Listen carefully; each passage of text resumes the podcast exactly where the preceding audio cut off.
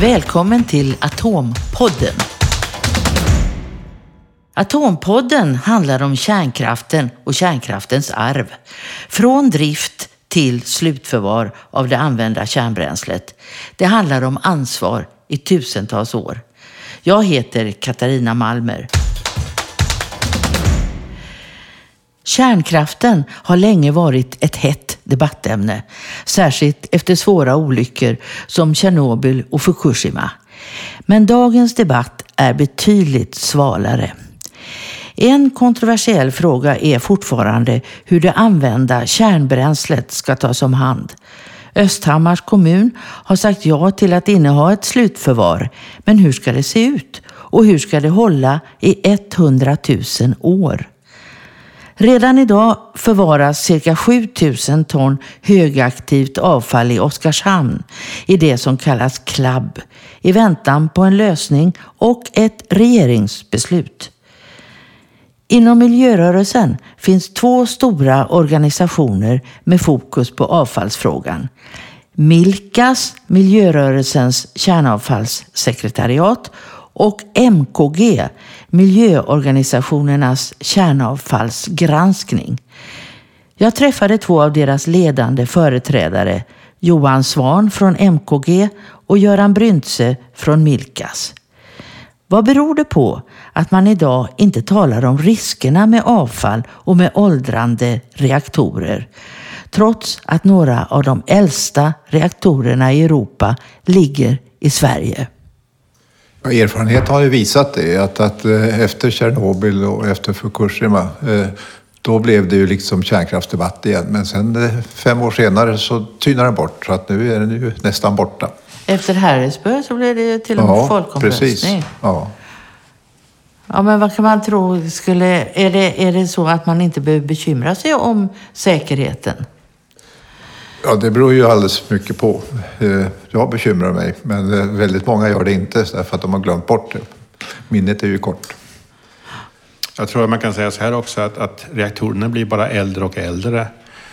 Och det finns ju ändå en, en ökande risk eh, med gamla maskiner att de faktiskt går sönder. Så att, att det är jag lite rädd för. Och dessutom så blir de mindre och mindre lönsamma. Alltså man måste, måste också kanske då pressa dem lite extra på olika sätt. Och det är också en risk. Så att, att den kombinationen är inte bra. Och jag hoppas verkligen att vi kan lägga ner fler och fler reaktorer innan det händer någonting nästa gång. Men det är klart att händer en olycka och framförallt om den händer till exempel i USA eller Europa, då skulle det ju vara Ja, då är det, det, då är det ju dödsstöten för kärnkraften helt klart. Men vad är det som skulle kunna hända? Vad är det för risker som finns?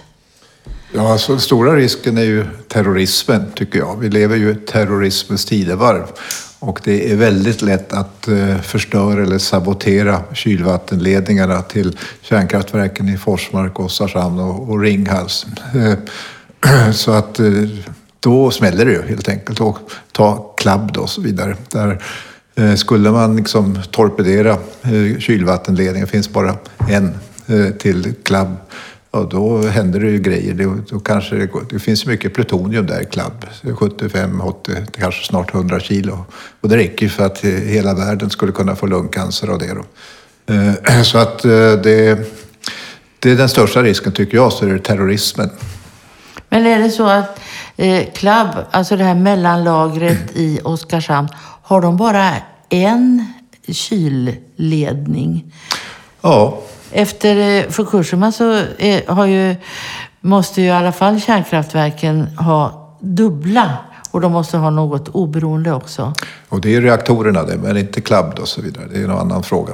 Ja, men det är ju ändå samma material. då, alltså. men, det är eh, plutonium och det är. Sådana ja. är reglerna då och så vidare. Och, eh, vi tycker då att, att eh, avfallsförvaringen ska ligga minst tre mil från närmaste reaktor. För händer det någonting med en reaktor, till exempel på grund av terrorismen, då blir de här avfallslagren otillgängliga och det ska de inte vara.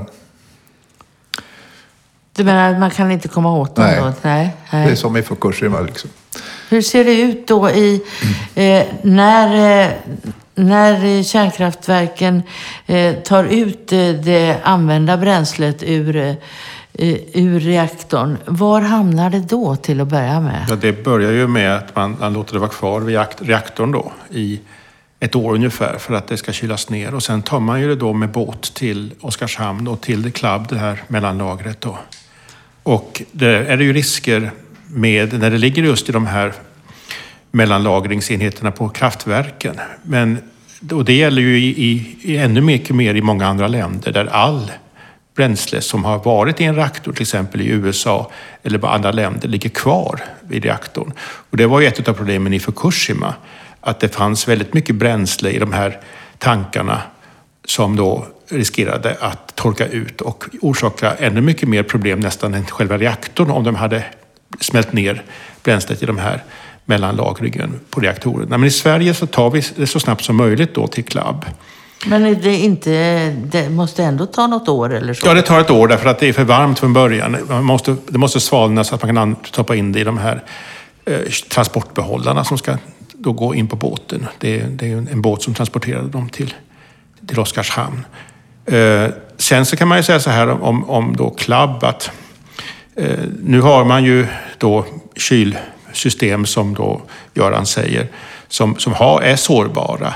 Eh, worst case så kan man då egentligen också låta havsvatten bara rinna ner i Clab. Alltså eftersom Clab ligger på 50 meters djup och det ligger alltså under havsnivån. Eh, så att man kan alltid nödkyla, men då blir det ju ett elände att hantera det hela efteråt så att säga. Men, men det är klart att, att, att Club är ju det mellanlagret vi har nu.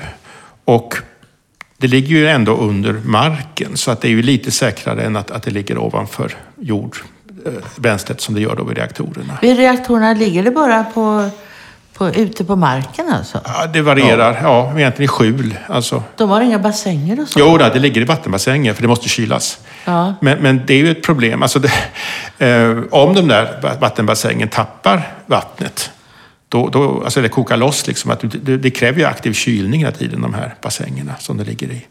Och det är, ju, det är ju det som hände i Fukushima. Det var ju ett av de stora sakerna, hur man skulle återfå kylningen i de här bassängerna som fanns på varje, i varje reaktor då, där, där, där avfallet, där, ja, där använda kärnbränslet fanns då från, från reaktorerna från många, många år innan. Det fanns även i Fukushima en central anläggning där man också flyttade över en del bränsle Men det fanns mycket bränsle. Flera, flera års bränsle i varje, varje reaktor då. Men det betyder ju då både i, ute i Forsmark och Oskarshamn och i på Ringhals så ligger det här i... Det finns alltid sånt bränsle som ligger, som ligger hyfs, mer oskyddat ändå än inne i reaktorn. Men sen så tas det då till eh, mellanlagret i eh, Oskarshamn. Hur mycket och hur länge kan det ligga där? Zero konstaterar att det kan ligga där till 2090. För vår bedömning det är att ett slutförvar eh, kan inte slutas, förslutas förrän sista reaktorns bränslen har kylts ner så mycket att de går att transportera till det här lagret i eh, Forsmark. Då. Eh, och det är kring 2090 då, enligt de prognoser som finns så länge de senaste reaktorerna kan vara i drift. Då. Och sen måste det liksom Eh, det ligga i klabb då ett antal år innan man kan liksom transportera det vidare. Då. Så, så det, 2000... det stämmer Göran, alltså det är ett måste. Men industrin säger ju själva då att, att det kan ligga där i hundra år, vilket ja, är, det är minimum, i alltså. storlek. Alltså. Och, så att, och, och, det undrar jag om inte det, det skulle kunna stämma för att det, det, är ju, det beror lite på hur mycket, om det åldras på något sätt eh, i klabb eller inte. Och det, det ser man kanske inte riktigt tecken på än så länge. Ett, frågan är ju då också, kom, kommer allt att kunna hamna i klubb? Alltså om vi inte får ett slutförvar. Om de här kopparkapslarna inte funkar så får vi ingen slutförvar, ett, ett, ett kärnbränsleförvar nu då. Eh, och då eh, har bolaget begärt att få expandera innehållet i, i. Då gör man inte det genom att bygga nya bassänger utan då gör man det genom att kompaktera eh, bränslet. Man, man, man lägger det tätare i, i eh, nya behållare. Eh, men då skulle ju, uppdömer jag, allt bränsle kunna hamna där om, om reaktorerna inte körs jättemycket längre än de, än de har sagt nu. Nej, det blir det, några det, ton per år. Det är ju det så. Men, men det, det skulle betyda att det, det är ungefär 7000 ton nu i förvaret. Och 11 000 ton vill man, vill man kunna få tillstånd till att lägga i. Man har tillstånd för 8 000 för närvarande. Så att vi behöver förmodligen inte då bygga någonting nytt, även om vi inte får ett kärnbränsleförvar. Utan där kan det ligga och kan det ligga där i hundra år. På sätt, alltså det är ju alltid risker naturligtvis här. Det är ju alltid risker. Ehm, och det blir mera risker faktiskt om det är tätpackat. För då, Ja, det då, då kräver det. mera kylning kan man säga. Då, va? Det, eh, ett alternativ det är ju att man flyttar över en del till eh, torrbehållare. Alltså behållare som, in, som kyls med luft bara. Och sådana behållare finns det massor av i världen. De, de flesta länder har torrförvaring som huvudalternativ för långsiktig mellanlagring. Då. Eh, Men då skulle vi behöva göra någonting helt annorlunda än vi gör idag i så fall. Då. Och Men då kan- skulle det ligga torrt alltså? Ja, i- då, och där i en sån torrbehållare, där, där kan man inte tappa kylningen egentligen. Men, men det, det, det, är en, så det är en annan teknik. Men, men eh, det, skulle, det skulle kunna vara säkrare, möjligtvis då också. Men det finns ju ändå idéer om att eh, eh bygga nya reaktorer. Kanske inte sådana stora som vi har idag, men små reaktorer. De, det, Vattenfall är till exempel engagerade i ett sådant eh, projekt i Estland. De bygger så kallade små reaktorer. Vad är, hur- är inte det en framtid då? Nej, ja, hundra år framåt i tiden möjligen då, men eh, för det första blir det ännu dyrare än befintliga reaktorer som då är ett par gånger dyrare än eh, sol och vind. Eh, För det andra så fordrar det upparbetning. Och upparbetning är en klimatbomb. Det släpper ut massor av krypton 85-isotoper som skadar klimatet rätt påtagligt. Eh, Så att det är inte klimatvänligt på något sätt. Och sen har det fortfarande samma avfall från små reaktorer som från stora reaktorer. Inte riktigt samma, men det är Men det- fortfarande... Men du säger det kräver upparbetning. Det då betyder att man kan använda avfall och, åter, återanvända avfall i de här nya reaktorerna. Ja, alltså en upparbetningsanläggning tar ju hand om en del av avfallet och extraherar plutonium ur från avfallet. Och som Från sen nuvarande alltså, Ja, ja. som kan sen driva de här små reaktorerna som det kallas för då. Så att, eh, men det förutsätter ju att man eh, bygger en upparbetningsanläggning för minst 100 miljarder kronor och det lär man inte göra utan då får vi lov att vara importberoende eh, helt och hållet för att få bränsle till de här små reaktorerna och det kan ju vara besvärligt i en, en avspärrningssituation då. Men nu bygger man ju en... Nej, men alltså det, det är det som är lite intressant att du säger det. Att man bygger, för det gör man inte. Alltså det här estniska projektet, det är ju bara pappersprojekt. Alltså det är bara småpengar och ett pappersprojekt. Ungefär som att den, de forskningspengar som finns i Sverige för att bygga en reaktor i Oskarshamn fortfarande bara är småpengar och, papper, och pappersprojekt än så länge. Ehm, det som också är viktigt här att förstå det är ju att, att vi, det viktiga är ju att vi kommer åt klimatproblematiken. Och det är bråttom. Och, och där finns inte de här små reaktorerna med på banan. Alltså. Att det, att för, de är ju, för det första är de ju små, det hör man ju. Det kan ju inte bidra så mycket. Och för, och för det andra så tar det väldigt lång tid innan de kommer att bli några, någon reaktor överhuvudtaget. Och Så, sen- ja. blir det väldigt mycket plutoniumtransporter och det är ju livsfarligt för det räcker ju med 6 kilo plutonium som en terrorist snor så kan han göra en atombomb av det. Alltså. Men har inte kärnkraften någon roll i klimatdebatten då? Nej. Ja, de- den roll den har det är att förhindra en snabb förändring mot ett förnybart samhälle. Energisamhälle. Den bromsar. Ja, diskussionen bromsar. Ja, jag håller fullständigt med. Det är en bromskloss. Hur länge tror ni att de svenska kärnkraftverken kommer att köras? 2035. Det är bara 15 år till alltså. Jag tror att, de, att vi måste ha en plan för att eh, då ta ner en reaktor i taget, kanske med några, några, några års mellanrum, för att vi ska kunna fylla på då med, med annan, annan el under tiden. Så att det, det som är problemet nu, det är att man säger att ja, reaktorerna kommer att gå länge liksom och sådär. Då, då behöver vi inte göra så mycket. Eh, men vi kan inte, vi kan inte stänga alla reaktorer 2040 heller. 2040. Att Det är bara fem års tid. Om alla ska gå 40 år så är det bara fem års tid som vi ska liksom stänga resterande reaktorer och ersätta dem. Så kan vi ju inte ha det heller. Utan det behövs en plan för avvecklingen. Och det börjar väl nu då med Ja. Ringhals och Oskarshamn är ju två stycken som är ner Ja, släckta. Det, och det märktes ju knappt. Det har ju inte märkts kn- knappt. eh, Vi hade det här problemet i sommar då, men det hade man nog löst genom att till exempel väst, den här Sydvästlänken då eh, hade varit igång som, som nu hopp- förhoppningsvis kommer igång i höst. Ja, men Mm. hur gamla tror ni att de kan bli de här då? Om nu Juniper säger att eh, Oskarshamn 3 kan bli 80 år. Ja, det är ju obevisat påstående. Det finns ingen reaktor som har gått ens 60 år. Och det är ju försprödning. Radioaktiviteten försprödar ju liksom reaktortanken och mycket annat eh, teknik som gör att, att det, finns åldringsproblem där på grund av korrosion och försprödning. Så att jag tror absolut inte de kommer att köra i 80 år. Då måste de ha väldigt dyra material för att eh, eh stå emot det och det har de inte. Och det är helt riktigt. Och dessutom varje snabbstopp påverkar reaktorn så att den, den, den På vilket sätt då? Ja, det är ju en, stor, en, stor, en kraftig omställning utav reaktortanken när den, när den stannar så snabbt. Och det finns ju reg, ett regelverk som säger att man får inte ha för mycket snabbstopp eh, under en livslängd. Man kan ju ändra på det, så att säga. Jag tror att det är uppgång också. Man kommer att omvärdera det, eventuellt det lite. Men det viktigaste egentligen tror jag det är alltså att ekonomin inte kommer att funka för de här reaktorerna. Och det, det kommer vi se snabbt. Vi, vi bygger alltså ut vindkraft ytterligare nu. Det har ju kommit väldigt mycket vindkraft de senaste två, tre åren. Och det kommer lika mycket de närmaste två, tre åren. Så vi kommer att, att se elpriser som kommer att göra mycket av kärnkraften olönsam under, under, rätt snabbt egentligen, tror jag faktiskt. Men du sa någonting där att det, man kan alltid ändra på det. Det är ju så att det är mycket som har förändrats. Det är många som får dispens för att göra det som man inte fick göra för några år sedan. Och får de inte eh, oberoende kylningar på kärnkraftverken nu efter Fukushima så kan de få dispens. Hur mycket dispenser kan man ge? Ja, politikerna gör som de vill. Eh, Så det kan de väl göra ganska mycket.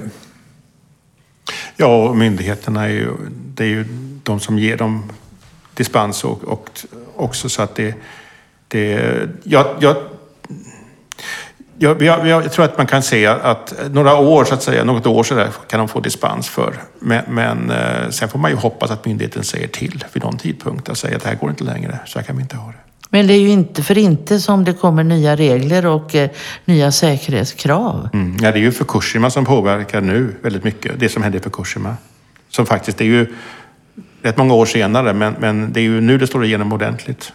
De säkerhetskraven som kommer efter Fukushima-olyckan. Men hur kunde man plötsligt bara få tillstånd att bygga en reaktor ny i Oskarshamn? Visserligen eh, forskning säger ni, men det måste ju ändå vara, det måste ju ändå finnas tillstånd att här bygger vi en, en eh, ny kärnkraftsreaktor. Den ska stå klar om tio år, säger Ja, de. men, nej, men det, det, var det jag sa förut. Det är bara papperskonstruktioner fortfarande. Det finns ingen ansökan. Det finns inte ens en, en konstruktionsritning för den där reaktorn egentligen än. Så att det, det, det är inte tillstånd. Det, det är tillstånd... Alltså, det är det som är så konstigt på något sätt, att, att det finns någon bild utav att man bara kan ta och bygga en reaktor i Oskarshamn. Men det är en gigantisk process att, att, att ta fram det underlag som behövs för att göra en ansökan som sen ska få tillstånd då utav Miljödomstolen, regeringen, Strålsäkerhetsmyndigheten. Det, det här är inget, det, det, det låter liksom... Vi klarar om tio år, men det är helt orimligt. Framförallt när man inte har mer resurser än man har nu. Alltså man har 50 miljoner ifrån Forskningsstiftelsen. Eh, kanske då att, att eh, man har sagt från Moderaterna och KD att man vill lägga till ytterligare 200 miljoner. Eh, nej, eh, det är Liberalerna och Moderaterna som lägger till ytterligare 200 miljoner. Men det är, det, det, det är faktiskt småpengar när det handlar om att bygga även en forskningsreaktor. Det kostar extremt mycket mer än så. Och sen alla säkerhetstillstånd man måste ha. Jag menar, titta på den finska reaktorn som håller på att byggas. Den skulle startats i april 2009. Senast budet att den kommer att kunna leverera el 2020. Eh, och det beror på att eh, tillståndsprövningen har varit ganska komplicerad. Det, måste ju till liksom rätt material och hela faderullan. Så att eh, det kommer att ta mycket längre tid än vad man trodde. Då. Man trodde först det skulle gå på fyra år. Nu kommer det att ta eh, 2005, till 2017 år. Då. Men finns det inget bra med att man forskar på ny kärnkraft? Finns det inget bra med det? Ja, det är ju bra för doktoranderna som doktorerar på det där då förstås. Eh, Sen tycker jag det är ett enormt slöseri med pengar. En möjlig positiv sak man skulle kunna säga det är att de där doktoranderna och, och andra som nu lär sig mer om, om kärnkraft, de lär sig också samma saker som man behöver för att ta hand om avfallet. Så att vi kan ju få, vi utbildar väl kanske då ett antal doktor, dok, doktorer som kan hjälpa till med avfallshanteringen istället framöver. Det, det, det är väl inte helt fel. Mm. Nej, skulle kunna vara något. Ja. Ja, eh, Göran Bryntse, Johan Svan, tack för att ni var med.